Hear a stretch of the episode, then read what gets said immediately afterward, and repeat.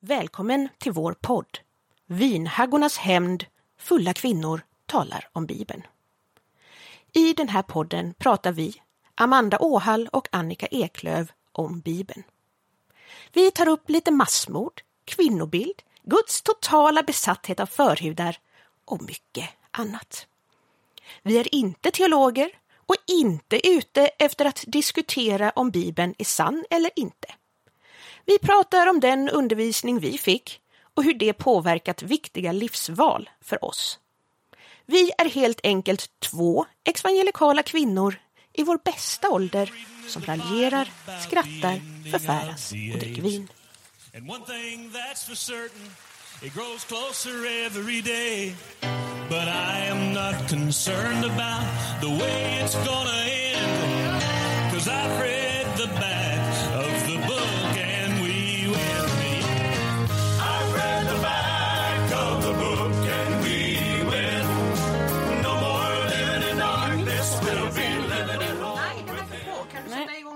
kanske? Ja, då ska vi se. Ja. Så, nu ska vi se om det funkar. nu Hej det- välkommen! Hej Skål! och välkommen, skål! Gött! Ja, men nu är det igång. Usch, nu är vi igång igen. Alla, alla rätta knappar är tryckta på.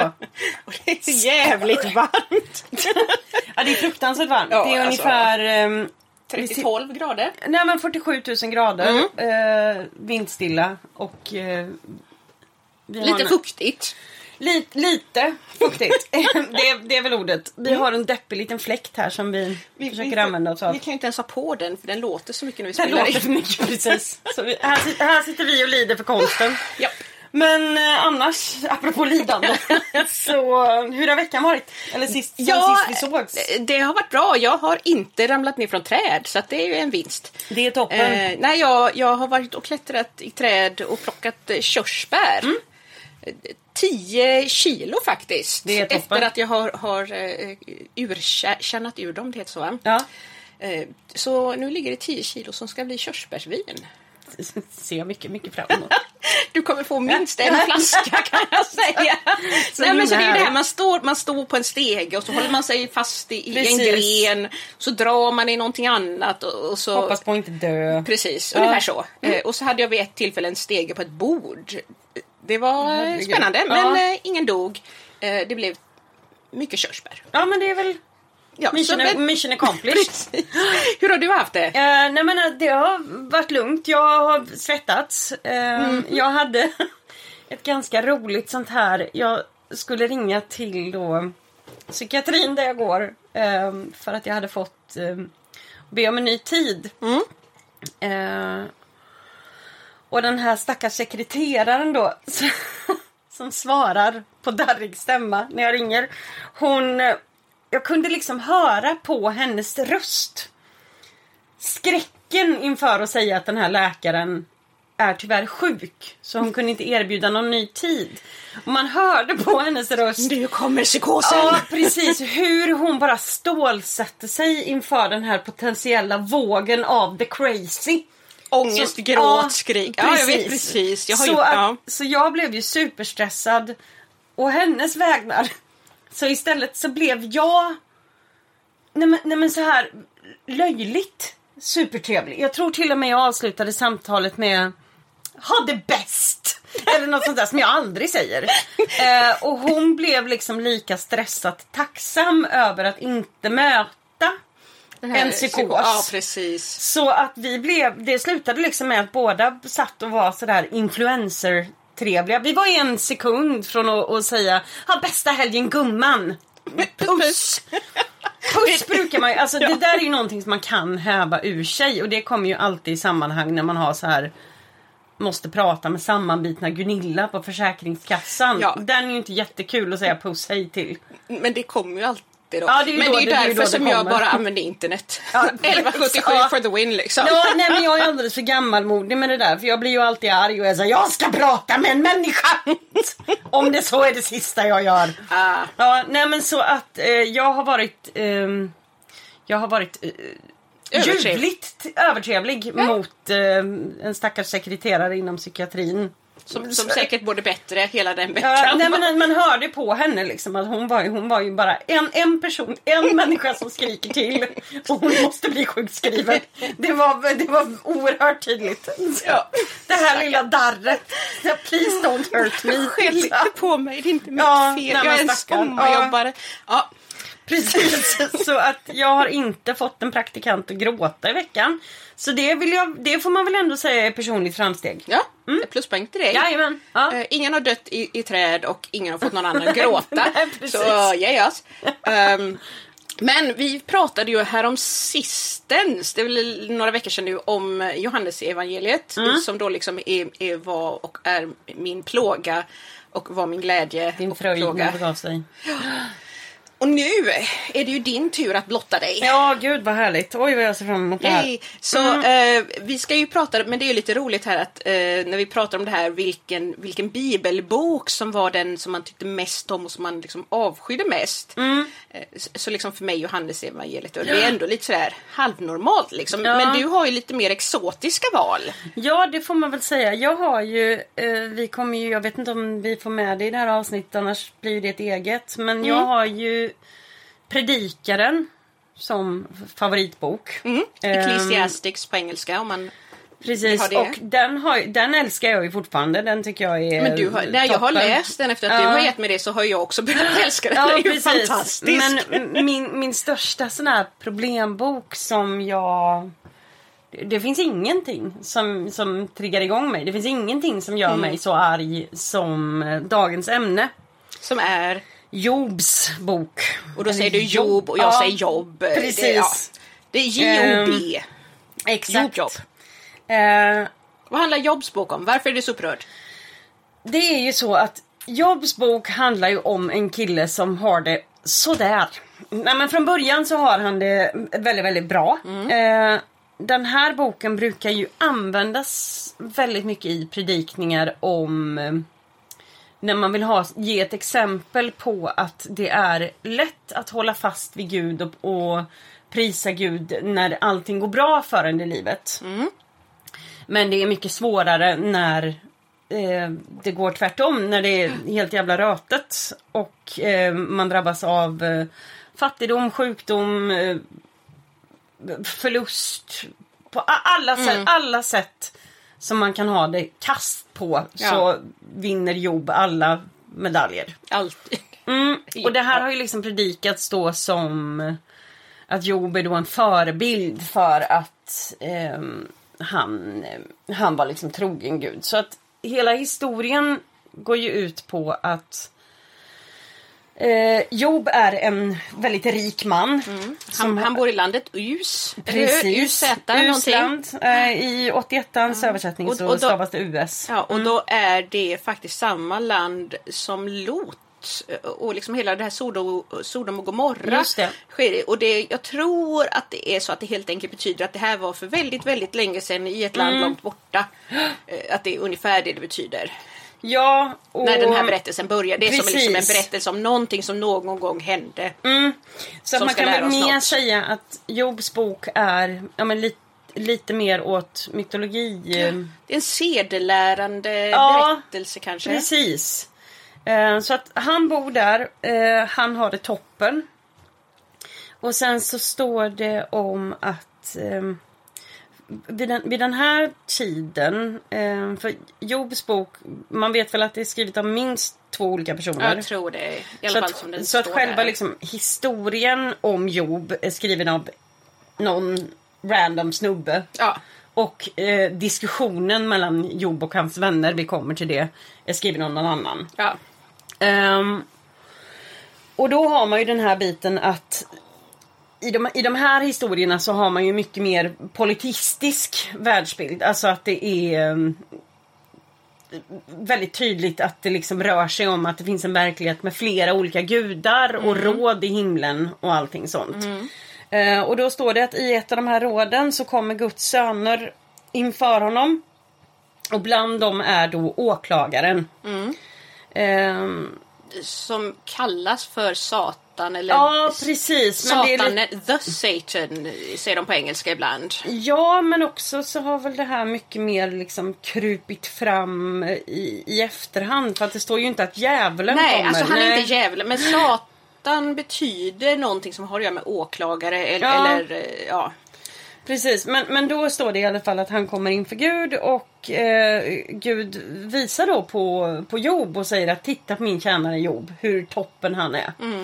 Eh, och åklagaren då säger att ja men det är klart att han är toppen och prisar dig. Han har ju, han har ju det rätt väl förspänt. ja. Han har eh, Tio ungar. tio vackra barn och eh, massa djur och är jätterik. Mm. Ehm, tar du ifrån honom det här så, så kommer han ju förbanna ditt namn. Han, kom, han kommer ju inte vara lika vänligt inställd till dig. Och får då igenom en deal att ehm, nej men, då får du tillåtelse att ta ifrån honom det här då. Mm. Ehm, så eh, Job blir av med alla sina djur, hela sin rikedom. Mm. Eh, hans barn dör i någon olycka. Ja, det är Ehm, något, ja. det är fullkomligt eh, haveri där. Och ehm, Den enda som verkar överleva är hans fru.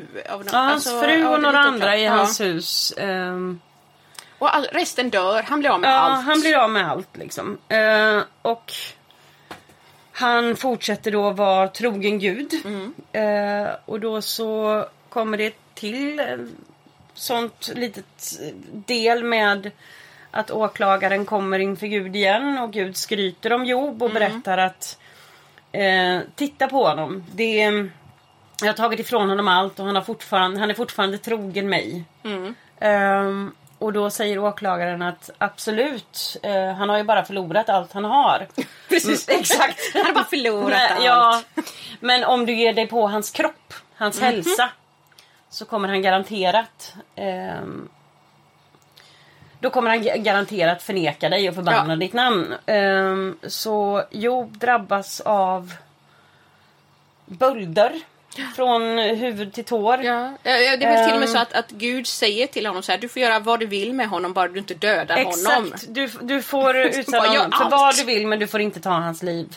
Och, och det är väl ganska logiskt för att om, om han dör då så kan han ju inte sen säga att han gillar Gud eller inte gillar Precis, Gud. eller visa på att Gud, Gud Ja. hade rätt. eller fel. Ehm, nej men då I vilket fall så drabbas han av svåra bölder så han eh, Han går ju i sorg med allt det här och det Ja. finns ju väldigt specifika sätt att uttrycka sin sorg i Gamla Testamentet och det vanligaste var väl att man rev sönder sina kläder. Ja, jag tror han Ehm, rakade till och med sitt hår. Han rakade av sig Extrem, håret och så satte man, det var mycket klä sig i säck. Säck och aska. Ja, och strö aska på sitt huvud. Det Ja. var o- otroligt dramatiska men, men, eh, ja, sorgeuttryck. Um, väldigt tydlig i alla fall. Ja. Ja, precis.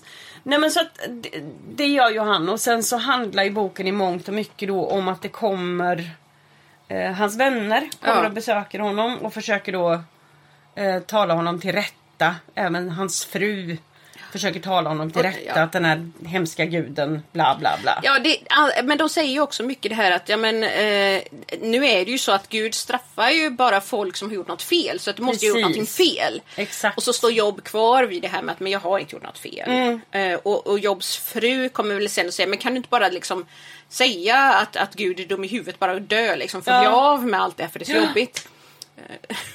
Eh, väldigt upplyftande bok på många sätt. Absolut. Nej men det, det är ju att om man då ska liksom komma till slutet så är det ju då att eh, han, han förblir trogen Gud. Ja. Ehm, och sen då så har han väl sagt någonting självömkande som Gud blir arg för. Så Gud griper in i slutet Ja. och tillrättavisar honom.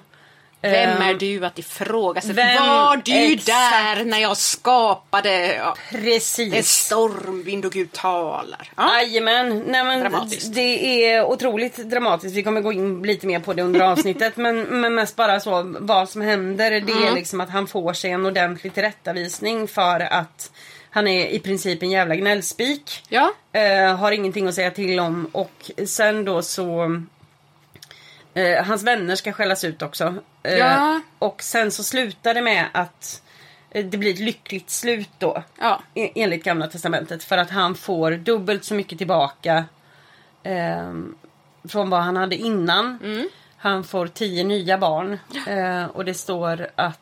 ehm, Sju söner och tre döttrar. Det var det han hade innan också. Precis, exakt. Så Fast han i får inte här- fler barn men... men Nej, Ja.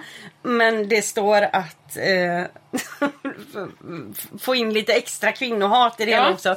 Det står också att hans döttrar som han får då är så vackra att de skrivs in i hans testamente, att de får del av arvet. De får lika del av arvet som, som sönerna får jag till och med. Precis, för Eh, så, så går det om man är snygg. Så går det om man är snygg och om man liksom är en belöning för, att... eh, Oklart, men eh, Ja. om du är en kvinna så får du inte ärva någonting i Gamla Testamentet. Nej. Utom då tydligen om du är Jobs dotter för att han har förlorat allt innan. Och så. Ja men det står ju enbart eh, för att de är exceptionellt vackra. Ja. Det är därför de skrivs in. Nej men så det, det är liksom i korthet historien om Job. We all wanna be winners in the games of life that we play. Vad har du för minnen av predikningar kring Jobs bok?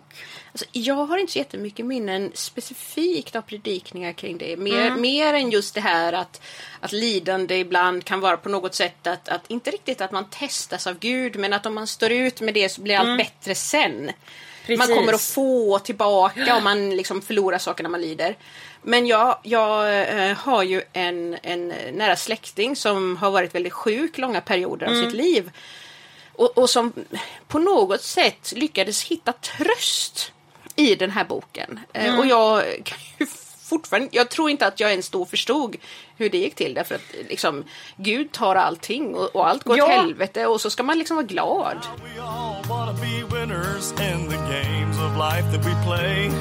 Since I'm a sinner, I've already Eh, lost eller inte race. läskunnig. Eh, då, då är det inte så konstigt att man eh, kan se något fint i Jobs bok. Ehm, men alltså, problemet är ju att kan man, kan man läsa och, och läsa vad som står Ja, om så man blir det en helt läser. annan, annan historia. Därför att det som pastorer berättar är ju ofta det här att ja, men det här är ett sånt fantastiskt exempel på Guds kärlek. Om man bara håller ut eh, när det är svårt. Ja, då minsann. Eh, då minsann. ehm, då, då ska ni se att det blir bra. För att det här, eh, jag tänker på att Jobs bok, det brukade predikas. Det finns en passage i Romarbrevet 8.28. Ja, Och där står det, för den som älskar Herren samverkar allt till det bästa. Ja, Och det här kommer jag ihåg att det brukade alltid vävas ihop med Jobs bok. Och det känner jag ju nu så här i Ja. efterhand. Det är faktiskt ganska märkligt. Alltså, Ja, det är väldigt, väldigt märkligt. Därför att om man faktiskt läser Jobs bok.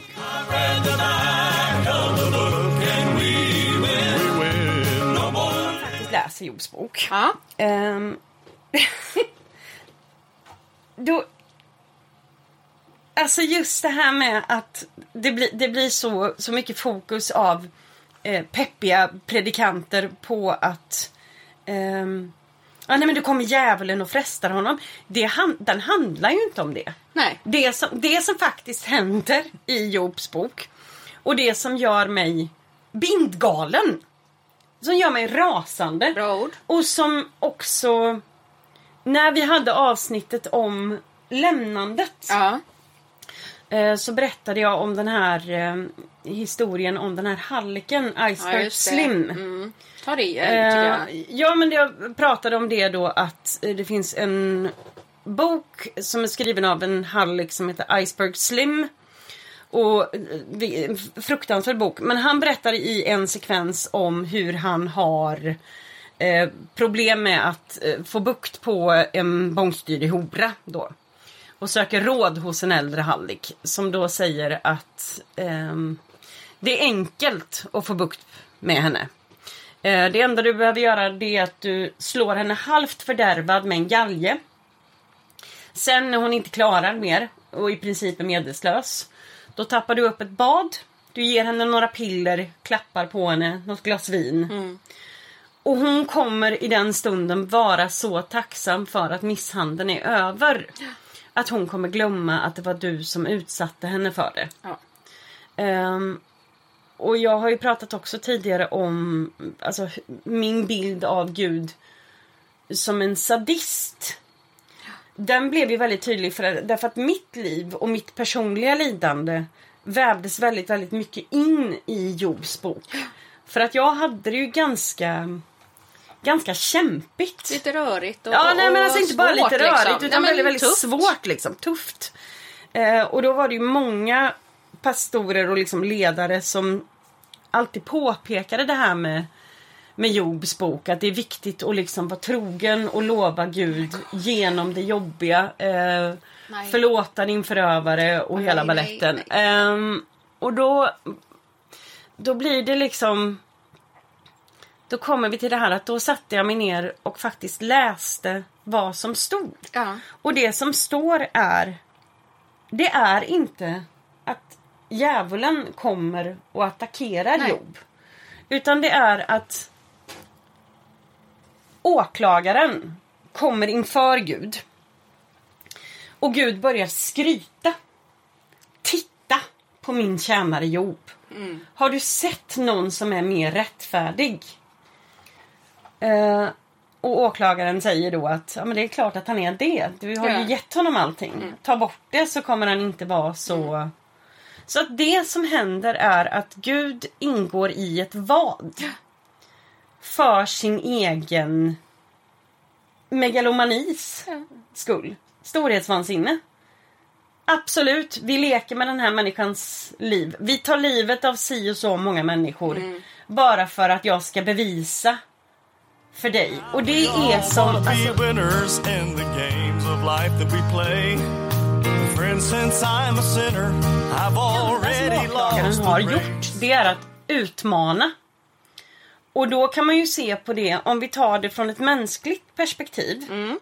Det är ju inte de här alltså lugna personerna som är trygga i sig själva som liksom får en utmaning och bara "Uh, ska, du, ska vi slåss? Ska vi, nu ska jag ska slå ihjäl alla mina barn för att visa att min fru är lojal med mig. Vilket är exakt vad som händer i Jobs bok.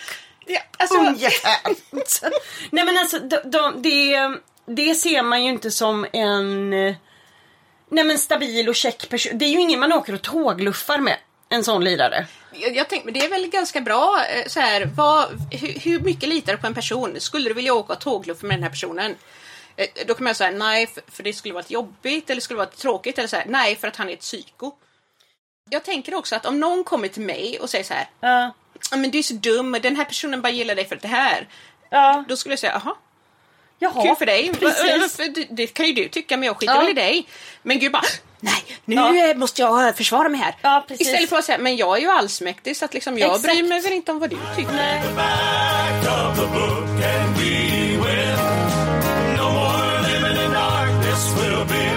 home. Det finns ju en, en lång berättelse om lidande i, Mm. eh, i Bibeln. Och då kan man väl säga att eh, du har profeterna. Och profeterna de pratar hela tiden om att det är liksom folkets eget fel att de Mm. lider. Alltså Israel lider för att de har, de har gjort dumma saker. Precis. Eh, och sen så kommer vi till... Du har liksom- tryckt på en knapp på sabbaten och nu ska du döden dö. Din värdelösa lilla jävel. Precis. det är som så här, Jesus uppväcker någon från de döda. Ja. men det var på sabbaten! Nu håller vi oss till lagar och regler. Ja. Eh, Och sen har du då det som händer senare efter Jobs bok då i Daniels bok och, och Mm. framåt i Nya Testamentet som är det här då som kallas för det apokalyptiska sättet. Det vill säga att det finns en, en ond och en god sida som kämpar mot varandra och lidandet kommer från den onda sidan. Mm. Eh, Men här gör det inte det. Nej. I Jobs bok så kommer lidandet från, från Gud. Alltså Från Gud, bara Gud. tillåter det här. Precis, därför att han blir lite utmanad Ja. av någon. Som inte Ehm, ens... Är jättekonstigt. Som inte ens har samma status som honom. Och där är det bara för att det beskrivs som att åklagaren är en del i man kan säga det himmelska rådet. Ja. Och det, och alltså då ska man säga rent historiskt, det så kallade himmelska rådet eh, kan liksom jämföras med andra teologier i den här liksom, Mm. tidsperioden som var monoteistisk, alltså det hade många gudar. Och här- Polyteistisk. Eller polyteistisk, Ja. sorry. Eh, och då, då sitter de ner och så har du någon slags huvudgud och andra Mm. undergudar. Ja men lite som Olympus Ja. med, med de grekiska med Zeus och så ja, liksom precis. gänget under. Zeus och gänget. Zeus och gänget. Jättebra barnprogram. Zeus och gänget. Mm. Eh, Men här har du liksom Gud och gänget. Eller, eller den hebreiska guden och, och gänget. Ja. Eh, De tre vännerna och Super-Jerry. Jag orkar inte, jag ska vara tyst, förlåt. Sorry. Nej, men, det, men det är ju det som händer här då. Eh, och så har man liksom fått in det här, tvingat in det här i ett bibliskt perspektiv där du då är monotistisk. Så att du kan inte ha alla de här olika gudarna.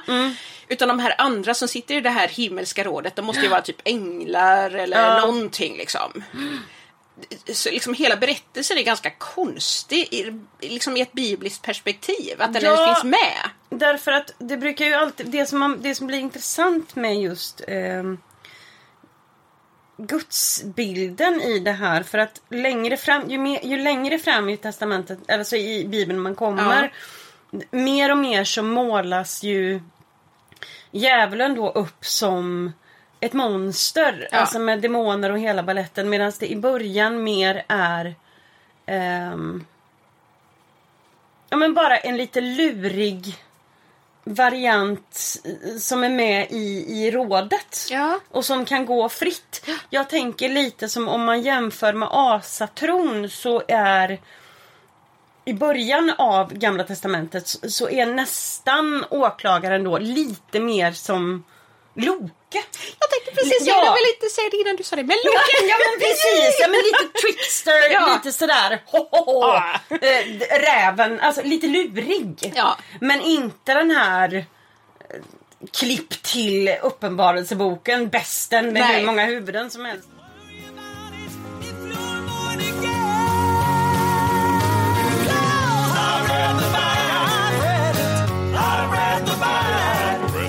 Obehagligt med just Jobs bok. Det är dels det här Guds sätt att leka med människors liv, människors välmående. Och sen så också ha den här, den här människosynen som presenteras. Att det spelar ingen roll att... Då får man ju också... Nu, då blir det så här, ja du har inga barn, men nej men jag har ju fortfarande någon form av empati. Men det kan ju, alltså, jag, kan, jag, jag, vill, jag kan ju svära på mitt liv att om min vän som har en liten son. Om Gud skulle komma och döda honom.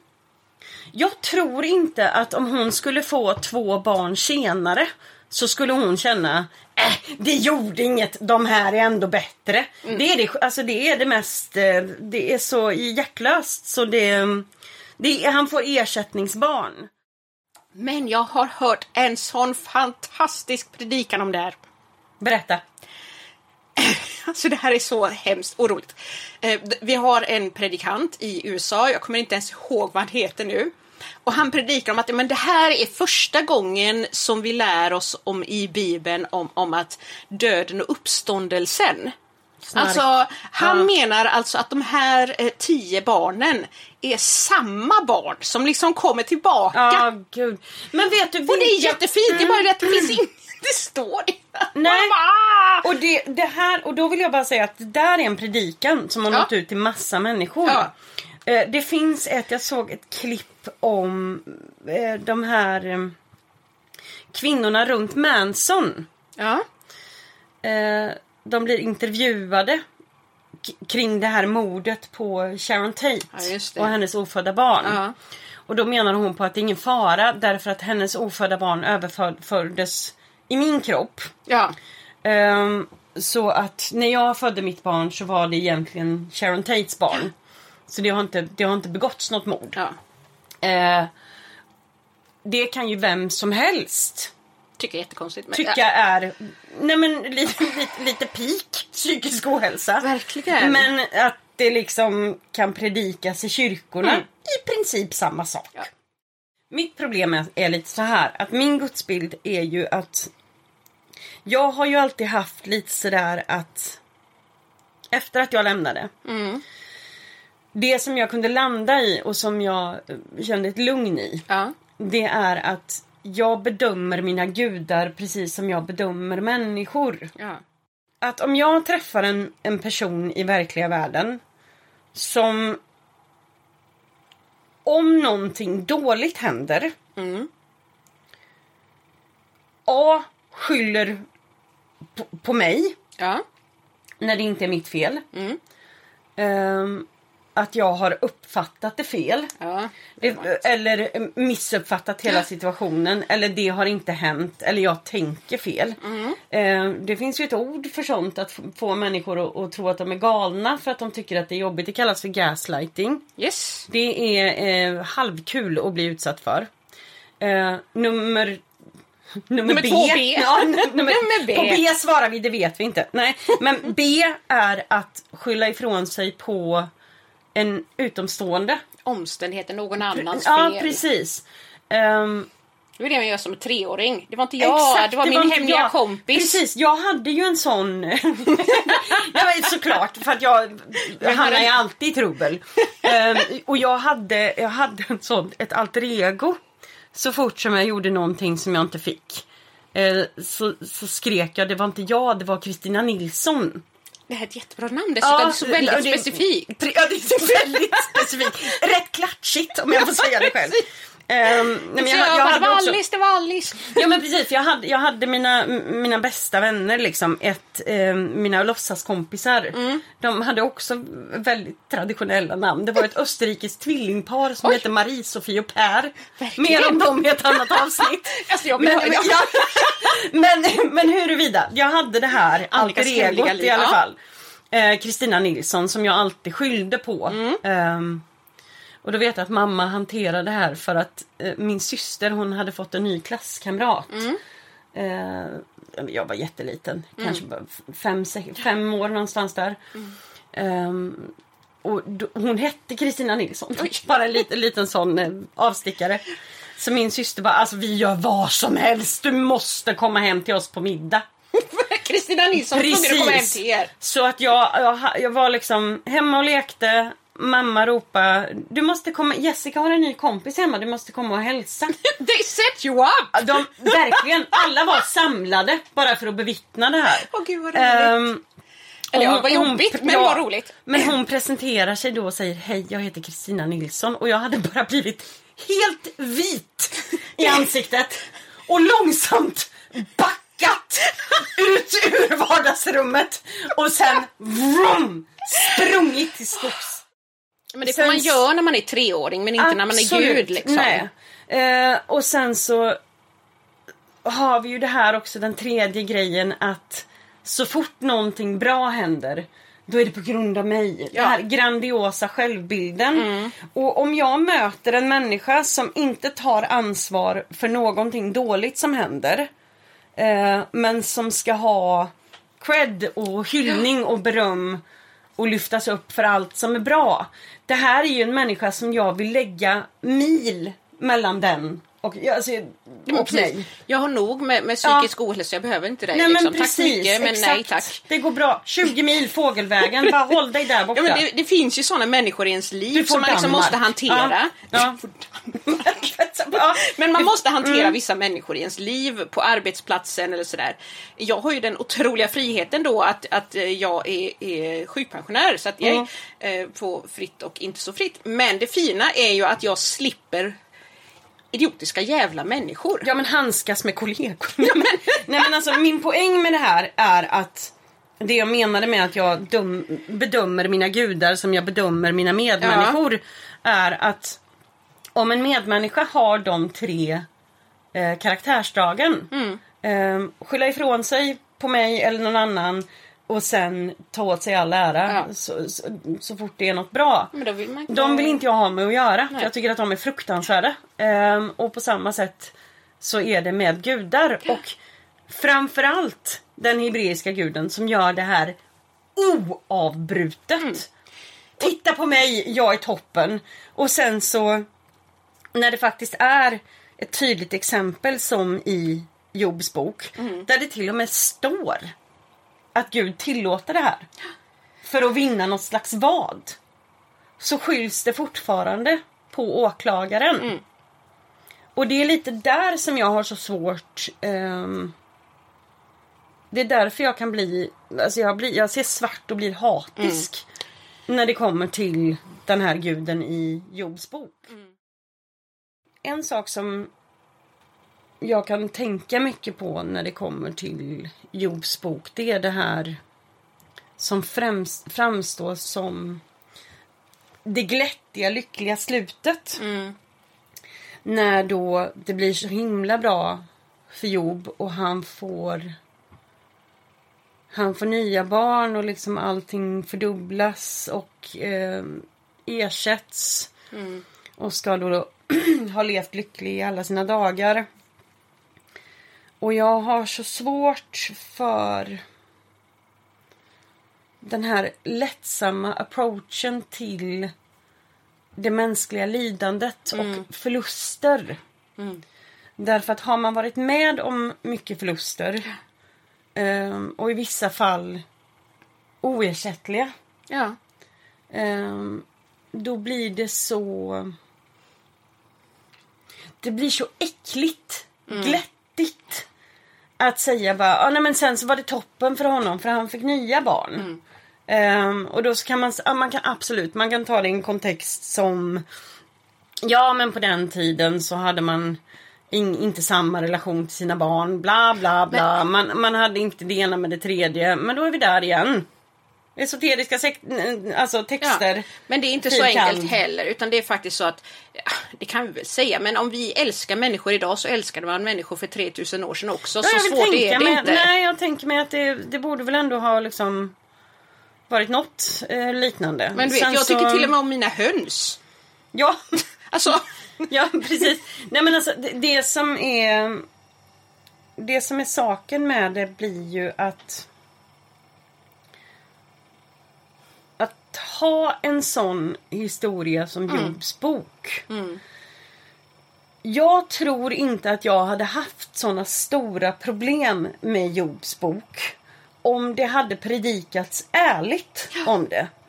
Att man kan visa på att ehm, Nej men den, alltså den hebreiska den guden som framställs i Gamla Testamentet är inte den här ehm, bara den här kärleksfulla Nej. fadern utan är väldigt nyckfull. Ja.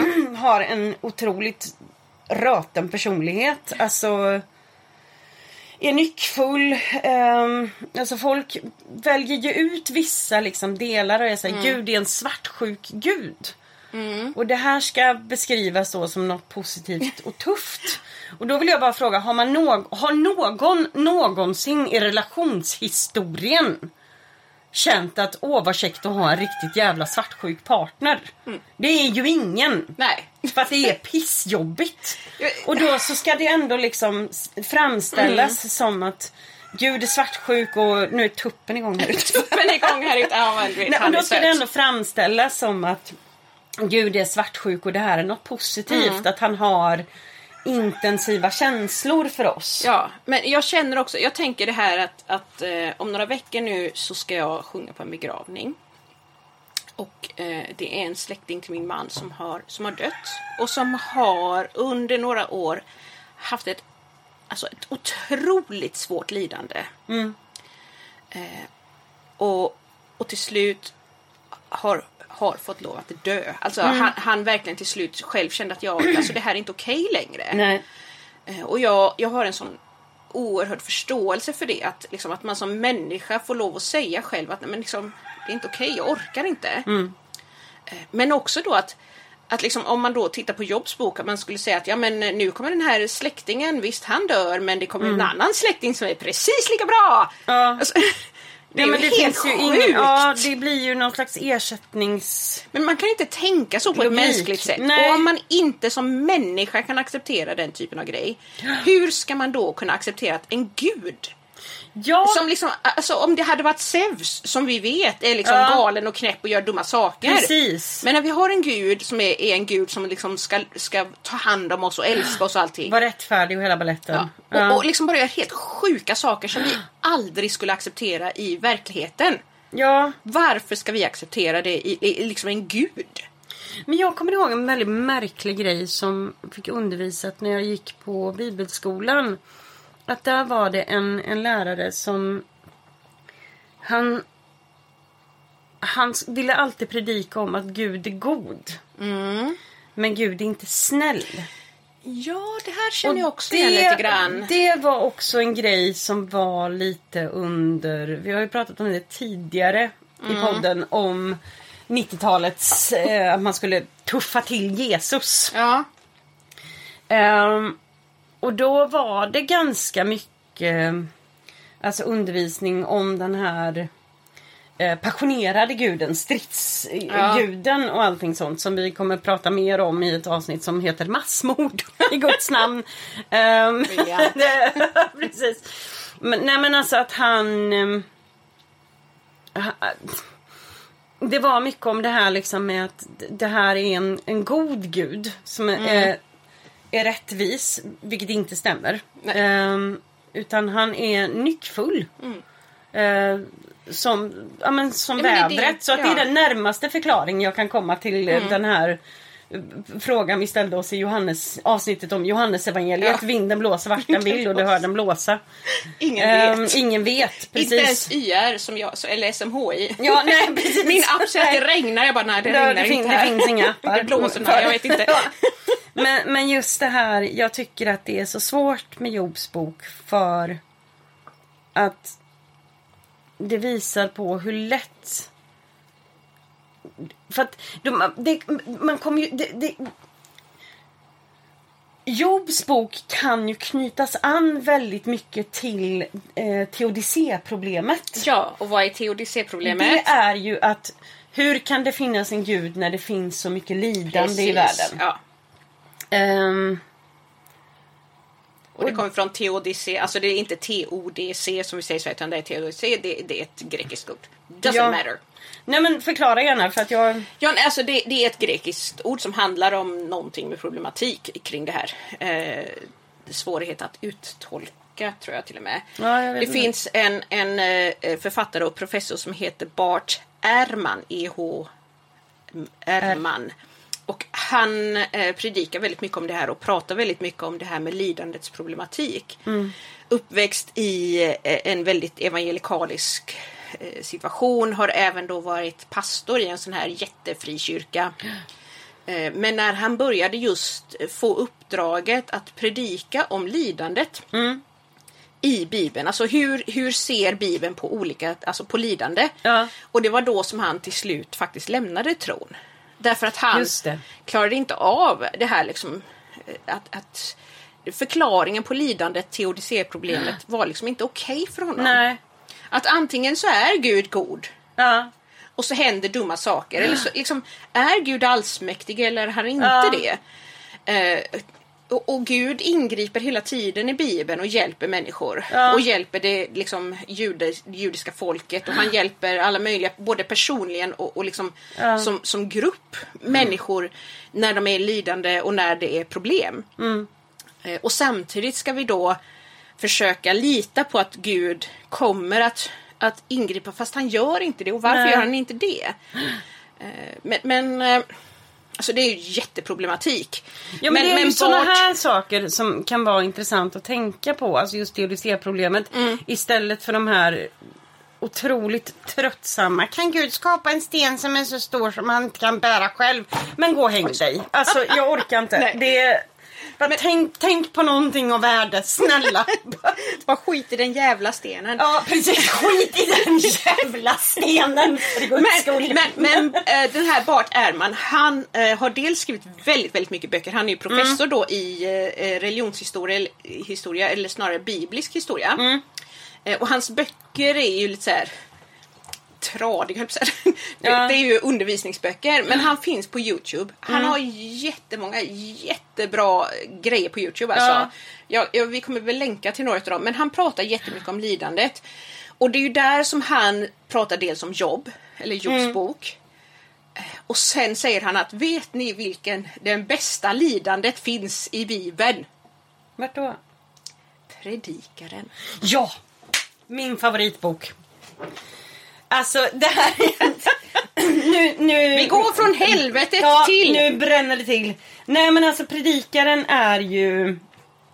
Eh, jag har ju nämnt det förut. Det är ju min absoluta genom tiderna favoritbok. Det är väl det som jag känner så här. Här sitter jag med Johannes evangeliet liksom och det är bara så här lite exotiskt med både jobb och predikaren. Ja, men det blev, det blev ju lite så här att i och med, i och med att ehm, när jag kom till tro eh, när jag var 12 där.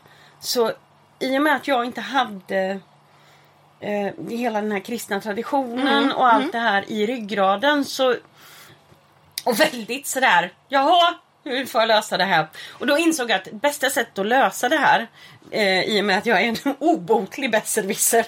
Det är att om jag läser och lär mig Bibeln bättre än Ja. alla andra i min årskull som är uppvuxna med det här. Ja. Då har jag fortfarande någonting att komma med.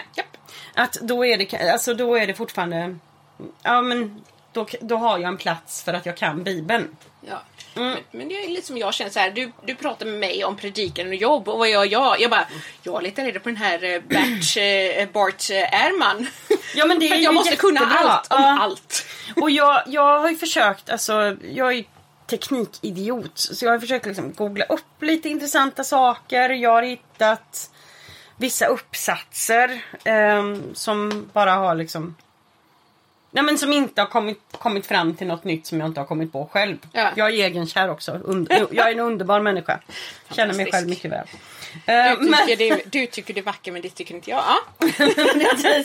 Men det är, eh, predikaren är ju då skriven av, det, det inleds med detta är predikarens ord, Davids son, kungen i Jerusalem. Så det här eh, har man ju sagt då är Salomo. ja. som skriver eh, den här boken när han är skapligt trött på det. eh, Han är trött på, han har haft alldeles för många fruar. Ja. Han har levt ut alldeles för mycket. Han är bara, han är en, vi kan bäst jämföra honom med en, eh, jag tänker hipsterman runt 45 som har jobbat med media, bor på Södermalm och kommer på att nej nu får det fan räcka, jag ska flytta ut på landet. Och, Oh my God, och du bli författare. Jajamän, ja. Förlåt, jag är inte i övrigt. Precis. Så bra jobbat med media. Nej, nej men du vet liksom, han, den, den här 45-åriga mediamannen eh, som bor på Södermalm, Söder, eh, i ta- Stockholm. ja. Vill liksom, han inser att precis som alla andra så det allt han vill hålla på med är att brygga sitt eget öl, eh, göra långkok och eh, odla chili. Eh, och det här ska han då göra i en stuga på landet som han vet fuck all om hur det är att bo på landet. Men ut ska han. Ehm, och där har han också bestämt sig för att nej, men han, han anser sig ju också ha eh, haft ett så intressant liv så att han borde börja skriva på sina memoarer. Ah.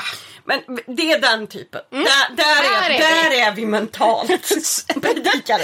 Salomo. David Kung. Salomo, Ja, den absolut mest kända kungen i typ historien Exakt. efter typ så här Konstantin eller någonting. Jajamän! Eh, mediamannen. Nej men han, han, är, han är ju rätt trött på det. Eh, och det är ju det som jag kan se när jag, när jag läser om Predikaren. Jag har fortfarande inte ett negativt ord att säga om den här boken. Den är toppen.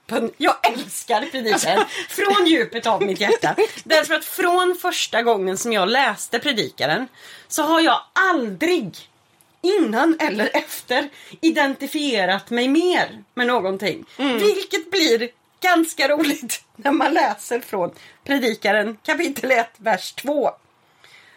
Eh, nu ska vi se här.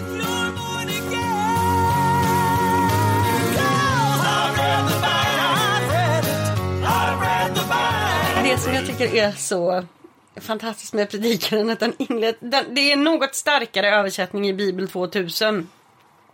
Och där står det i Predikaren 1 kapitel 2. Nej, eh, kapitel 1 vers 2. Tomhet, idel tomhet, säger Predikaren. Tomhet, idel tomhet, allt är tomhet. Och det här, när jag som nybliven 13-åring läste det här tänkte jag, aha! En bok, Perfekt! en bok för mig. alltså det är... Medan jag aldrig liksom hade Nej. stött på den här boken innan jag blev lite äldre i alla fall. Men den är ju, den, alltså den är helt fantastisk. Och så från kapitel 2, vers 17. Och jag led vid livet. Till illa behagade mig vad som händer under solen. Eftersom allt är fåfänglighet och ett jagande efter vind. Så att det är den här... Allt bara tomhet, Ja, fåfänglighet, whatever. Det är, eh, för mig så är ju predikaren ren poesi. Ja. Eh, för det är därför, alltså otroliga, ah, det här uttrycket inget nytt sker under solen. Det kommer från, Det från predikaren. predikaren. Och det kan vi hitta i första kapitlet. Vers 9 Ja. står det. Ingenting nytt sker under solen och det återkommer flera gånger. Mm. Så att predikaren handlar ju egentligen mest om en man som har prövat allt Ja. i livet. Ehm, och kommer fram till att allt är meningslöst. Ehm, man ska inte göra det ena med det tredje. Alltså ett sånt här klassiskt um, bibelskoleskämt som alla pastorer använder sig av. Det var det här ehm, där det står att eh, mycket studerande gör kroppen trött. Ja. Eh, det kommer också från predikaren. ja, men precis. Vem har inte hört det på sin bibelskola? Ingen annan har hört det Ja. någonsin utom vi. Men jag tänker också att just det här med förfänglighet och, och allting är tomhet och allting är liksom sådär förgängligt. Psykisk ohälsa. Ja, men inte bara det. Utan jag tänker att, att så här, har, har kanske någon hört någon gång om buddhismen? Ja, Det är ungefär samma. Absolut. Och slutsatserna blir till slut också ungefär detsamma. För han För kommer ju allting går åt helvete. Ja. Eh, Så vad ska vi göra åt det liksom? Vi kan inte göra så mycket så vi bara... Vad gör, vad gör predikaren? Han... eh, Ja, men han säger ju till oss i slutet att ät ditt bröd, drick ditt vin. Ehm, sex. Skål för honom. Skål för honom. Ehm, men du ska, och så frukta Gud liksom. Ja. Han menar på det att det är... Han pratar mycket om det här att vad, vad vinner vi på det här eviga slitet i ekorrhjulet? Vad möda har liksom... Vilken vinning har människan av all möda hon gör sig under solen? Alltså just det här blir ju också en form av ehm, om man tittar på det utifrån ett socialistiskt perspektiv så blir det ju också det här eh, lite antikapitalistiska. Ja. Att liksom Ja men vad spelar dina ro- Ja. rikedomar för roll om du inte... Om, du inte, om du ändå blir sjuk, om du Ja ändå kommer att dö, om du exakt. ändå... Ja. Det, det går åt helvete med allting. Men men det är också att... Så att det, det fanns ju... Jag var ju... Jag var ju otroligt eh, deprimerad i eh, tonåren. Så att den här boken talade ju till mig eh, på ett sätt som... Nej men alltså, det här är ju en människa som ser tillbaka på sitt liv Ja. och bedömer vad som är värt något eller inte. Mm. Och den positionen befann jag mig i redan som 13-åring. Att jag tittade lite, vad, vad är egentligen Mm. poängen med det ena och det tredje? Och därför så kommer jag ihåg att jag blev så hysteriskt lycklig när jag hittade just predikaren. för att här var någon som liksom förde min talan. Som ställde samma frågor som du ställde. Ja, och som proklamerade att allt är tomhet. Det var skit. Ja, men, men också när jag läser den nu som vuxen så kan jag också bli så glad. Därför att jag ty- det som jag tycker är så fint är att det är ju allt det här om att all, hela världen är åt helvete. Allt Ja. vi gör är meningslöst. Eh, solen går, skyndar iväg till nästa plats Ja. och, och går upp på och det är liksom, det bara pågår och det upprepar sig. Det Ja. går i repetitiva cykler hela Vi, tiden. försö- vi kan göra så mycket vi försöker Ja. men på det stora hela så liksom jorden och allt som sker är större. Och, Precis, och det är, små. me- vi- det är meningslöst Ja. att, att försöka. Samtidigt så det som han pekar på så mycket i den här boken som jag tycker så mycket om det är att hitta glädjen i det Mm. lilla. Jag kommer, jag kommer ihåg jag såg en film som jag tror heter Zombieland. oh ja! Ja. jag älskar! Eh, och, och där är det då en, en kille som ska överleva en zombieapokalyps och han har lite olika regler då Mm. eh, för överlevande. Och en av hans regler är för att överleva i den här världen är enjoy the small things. Ja. Eh, Så han träffar till exempel en annan eh, person i det här haveriet som är besatt av Twinkies. Ja. Och hitta Försöka hitta Twinkies typen, liksom. typen sån av här, kakor eh, för han tycker jättemycket om det. Ja. Kakgrej. Ehm, och, och det är det som jag, jag, det fick mig att tänka så mycket på predikaren för att där har du verkligen det här att Hela, hela pisset är meningslöst. Bara Mm. Sluta se den stå, Sluta, upphör med allt. Nej till allt. Hitta precis Twinkies. allt. Och men samtidigt just det här att hitta glädje i Mm. att ja, men du vet, leva med någon person som tycker om dig, som förstår dig. Ja. Eh, njut av maten, njut av vinet, njut av livet. Och alltså njut av de här små stunderna Mm. för att jag tycker att det finns en så befriande del i predikaren och det är just det här att vi måste bara sluta. Vi måste sluta med det här. För att det som jag älskar är också att han säger ju emot hela Bibelns Ja, budskap som egentligen är att du ska liksom bara harva och slita och kämpa och sen så i himlen så blir det bra. Precis. Ditt liv just Eh, nu spelar ingen roll vad du gör. Exakt! Och, eh, Och det är liksom, du ska lida för Gud och sen så kommer du bli välsignad och Ja. Ja men som i framgångsteologin som vi Ja. kommer ha ett avsnitt om. Eh, alltså du ska bara ge alla dina pengar så kommer Gud göra dig rik. Ja. Eh, det kommer hända sen. Och predikaren är precis tvärtom. Och är så här, det finns inget sen. Sluta! Precis. Liksom stanna upp. Eh, och njut av de små. De, det, små, Ja. det som händer nu. Är din hamburgare jättegod, njut av den. Precis. För du vet inte när du får äta den nästa. För då kommer fetmapolisen. App, app, app! Det är som, min syster. Jag har, jag har en, en älskad stora syster. Mm. Hon väger typ 0 kilo. Och har alltid vägt ungefär 0 kilo. Japp. Och, och varje gång som hon åt, när jag var liten, så var det som att hon liksom åt som att hon aldrig någonsin skulle se mat igen. Mm. Ja. Och så frågade jag väl henne vid något tillfälle, men liksom, du, du vet ju att vi får mat sen igen. Hon bara, Ja. det kan man inte veta. Det kan man inte veta. Och hon har en poäng. Hon har en poäng! För att man, man, man, kan, man kan inte veta. Ehm, och jag, jag... Det finns något så otroligt läkande i den här... Bara sluta tänka på det här stora, magnifika som ska hända sen. Livet pågår nu. Ät din, ät din goda hamburgare och njut av den. Drick din kalla hoff i solen. Och, och i, i sådana fall, om du är troende, tacka Ja. Gud för att du är där. Alltså, förstå, Ja. det, fin, det finns en... Så det betyder ju inte att man inte behöver bry sig om omvärlden men det Nej. betyder att på det stora hela så måste vi försöka njuta av att vara människor där vi är. Ja, precis. Men, men sen jag menar Predikan är ju inte världens mest feministiska bok till exempel. Absolut inte. Den har ju så är ju- väldigt många, alltså Den det ju- första jag lärde mig från Predikaren är ju Mm. egentligen det som du eh, ofta Ja, precis. Mitt, eh, mitt roligaste bibelord. Ehm, nej, men det som du sa det här med att det är inte den mest kvi- kvinnovänliga varianten. Det är ju för, vi fick ju alltid massa undervisning om det här om att ja, men Salomo hade haft så himla många fruar och det var ju egentligen inte att han tyckte illa om dem utan de kom ju från andra platser och Ja. skulle bråka med att ta in sina avgudar och hela balletten. Men eh, vi kommer då till den episka kvinnosynen i predikaren. Alltså, det som här är det är bästa. det absolut bästa bibelordet i hela bibeln. Och då läser jag ifrån 1981 års översättning. Predikaren 7.27. Då fann jag något bittrare än döden, kolon, kvinnan.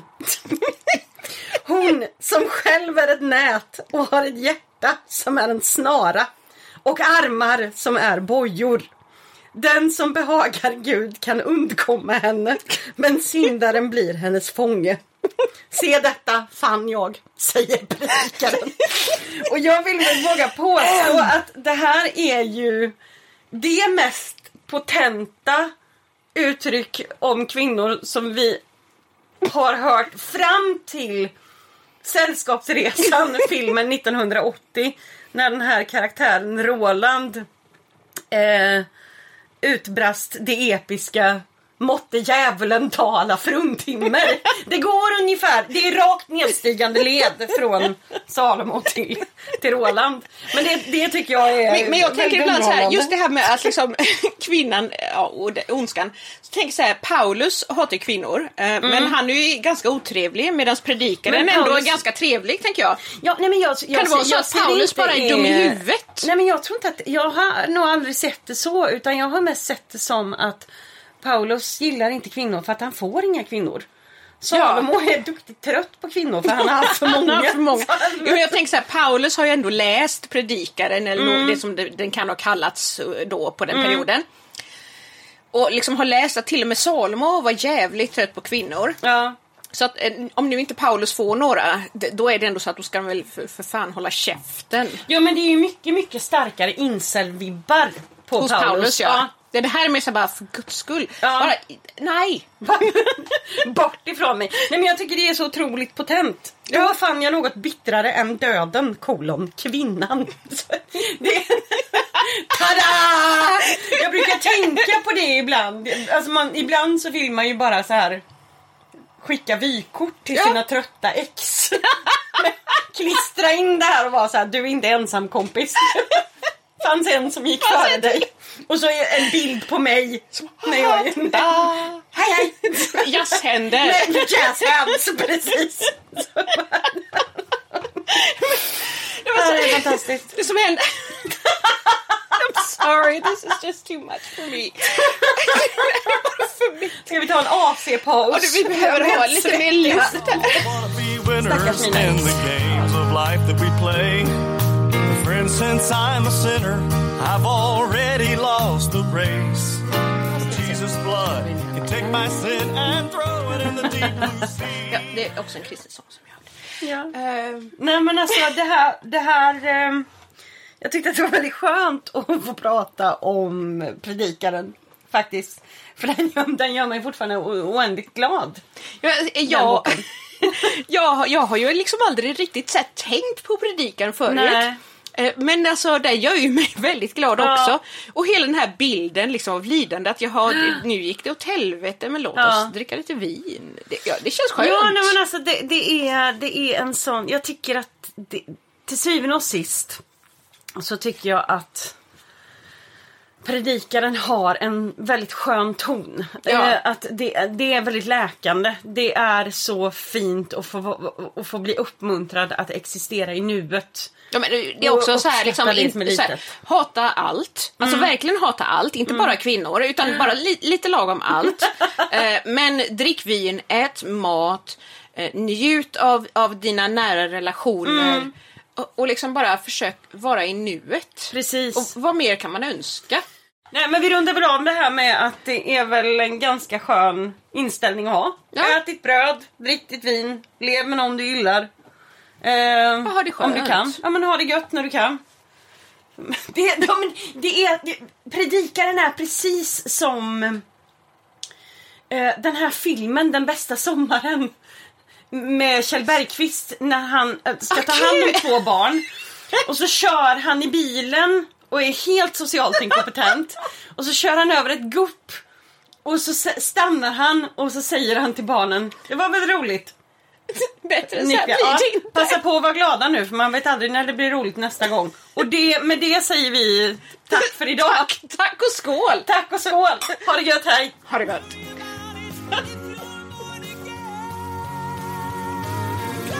I've read the Bible.